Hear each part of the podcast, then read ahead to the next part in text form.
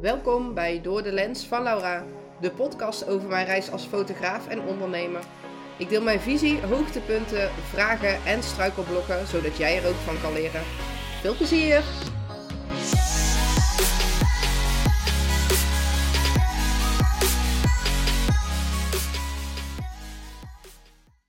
Hoi, superleuk dat je luistert naar deze allereerste podcastaflevering.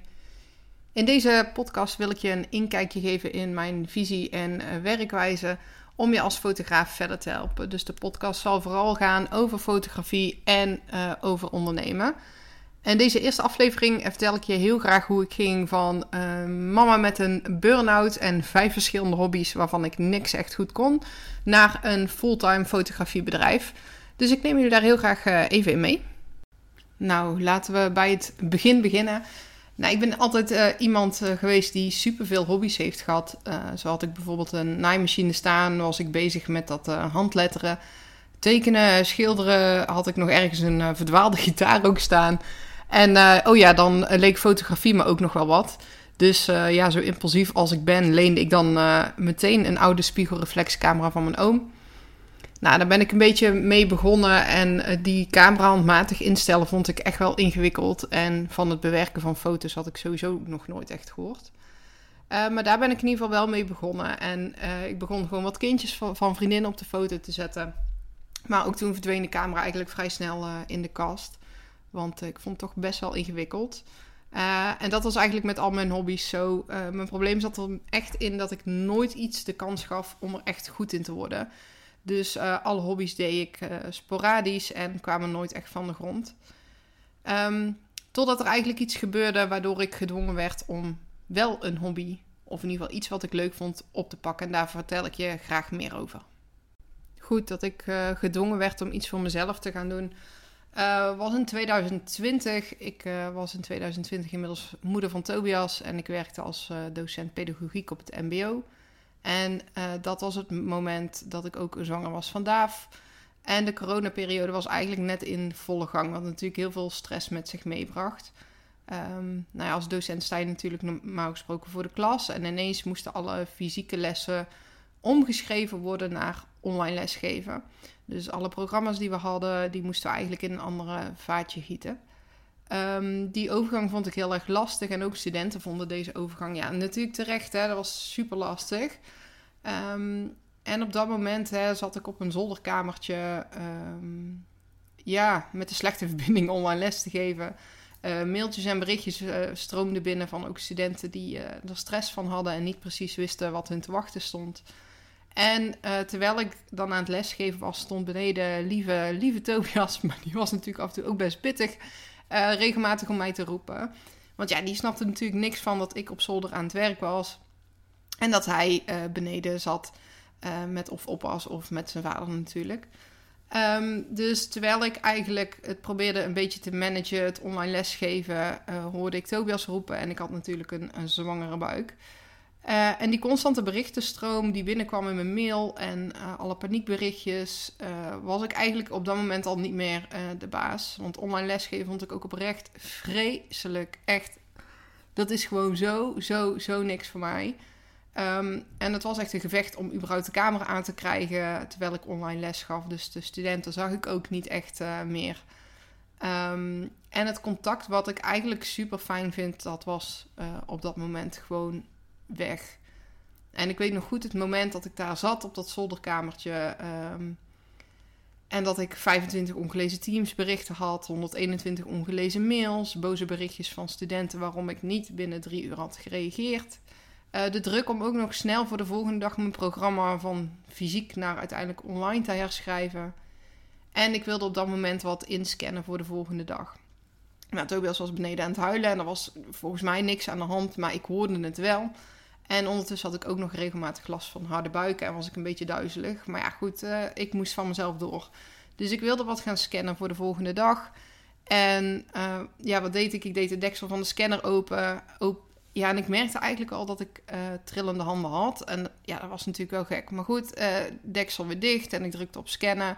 En ik kijk op mijn computer en ja, wat gek. Ik heb het boek er helemaal niet ondergelegd. Nou, weer opnieuw, deksel open. In gedachten was ik echt nog bij alle mailtjes en berichtjes en weet ik veel wat er allemaal speelde. En ik deed eigenlijk de deksel weer dicht.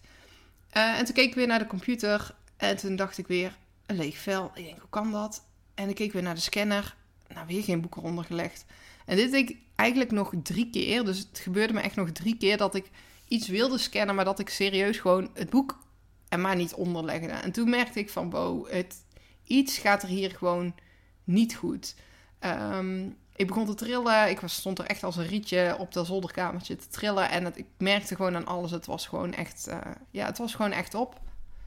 Um, ja, dus daar zat ik dan hè, op dat zolderkamertje, zwanger van onze tweede zoon, met echt tranen in mijn ogen.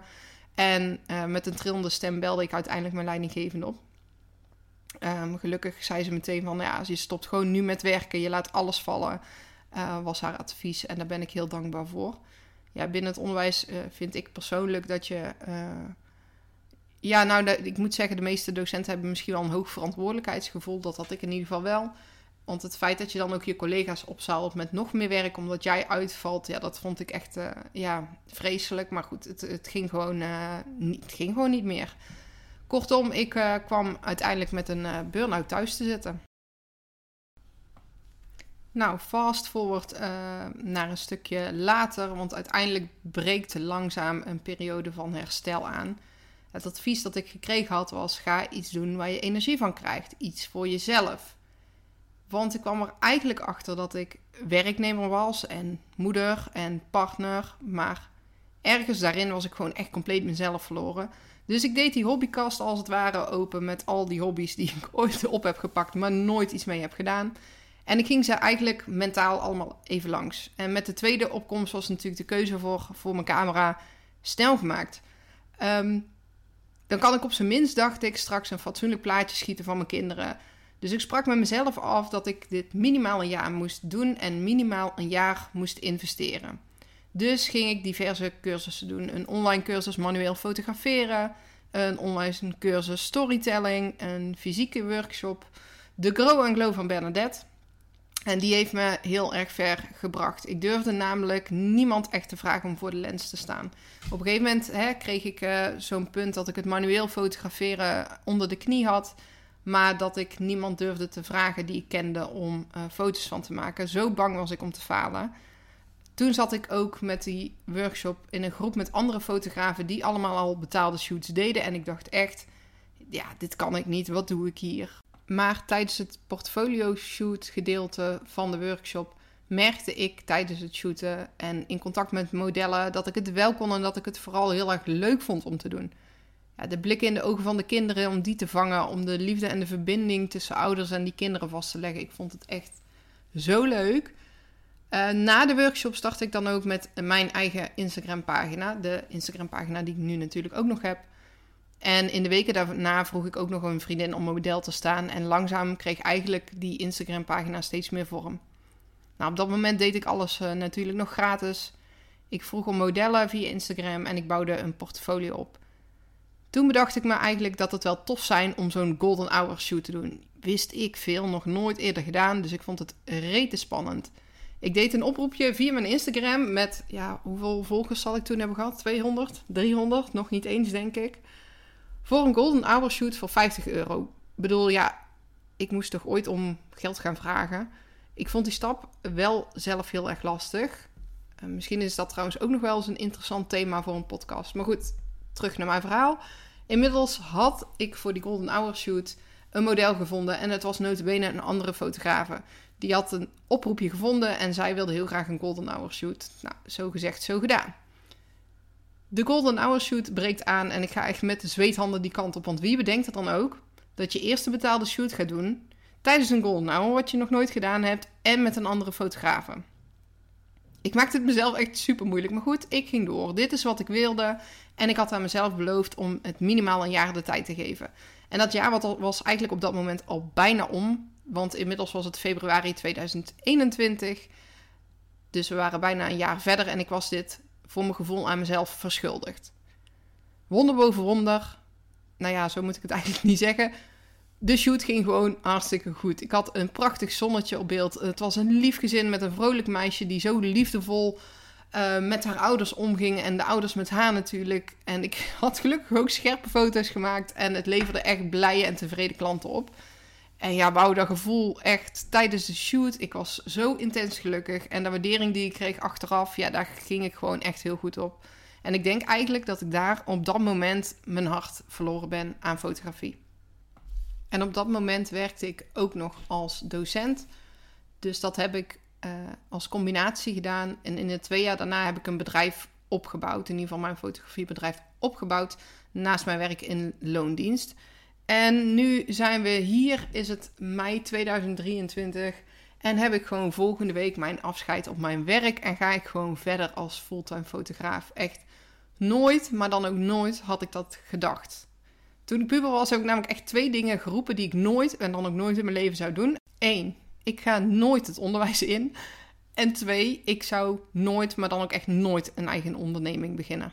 Ja, nu moet ik daar natuurlijk super hard om lachen.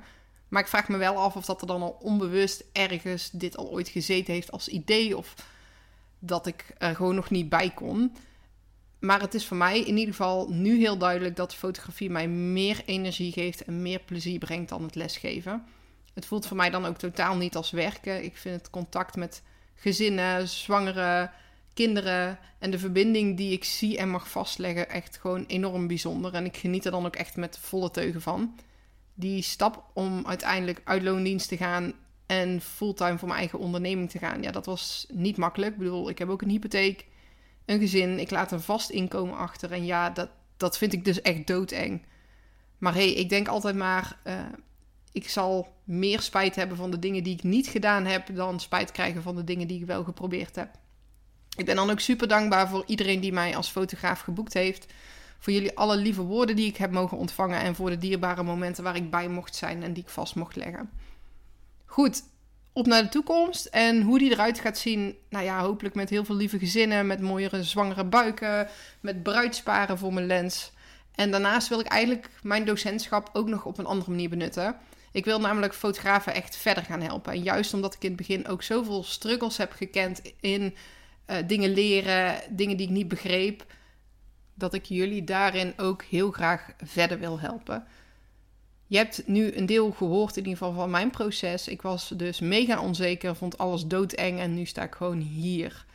Een van de eerste dingen die ik ga doen weer binnen mijn bedrijf is dus deze podcast, waarin ik graag verschillende onderwerpen met je bespreek. Uh, denk aan onderwerpen zoals je workflow, tarieven bepalen of hoe ik sta tegenover bijvoorbeeld editen met artificial intelligence. En ik heb nog veel en veel meer ideeën. Genoeg om uit te werken dus. Maar deze podcast is voor jou, dus laat me ook vooral weten welke onderwerpen jij graag terugziet. Mocht je nu al meer willen leren, dan verwijs ik je vooral naar mijn 1 op 1 workshop Lightroom en de meeloopsessies die ik aanbied. Tijdens de workshop Lightroom neem ik je mee in de mogelijkheden die Lightroom allemaal te bieden heeft. En bij de meeloopsessie bespreken we de onderwerpen waarin jij graag van mij wil leren. Hier zit ook een hele toffe portfolio shoot bij met een gezin of met een newborn. En dat is natuurlijk afhankelijk van de vragen die je hebt. Zo kun je ook zien hoe ik klanten zou aansturen en leg je ook uit waarom ik de dingen doe zoals ik ze doe. En tot slot staat natuurlijk ook mijn preset te koop. Yes, na vele vragen over mijn nabewerking heb ik ook besloten om deze met jullie te delen. De preset kun je terugvinden in de shop op mijn website en hier kun je ook zien welke andere toffe projecten er nog aan gaan komen.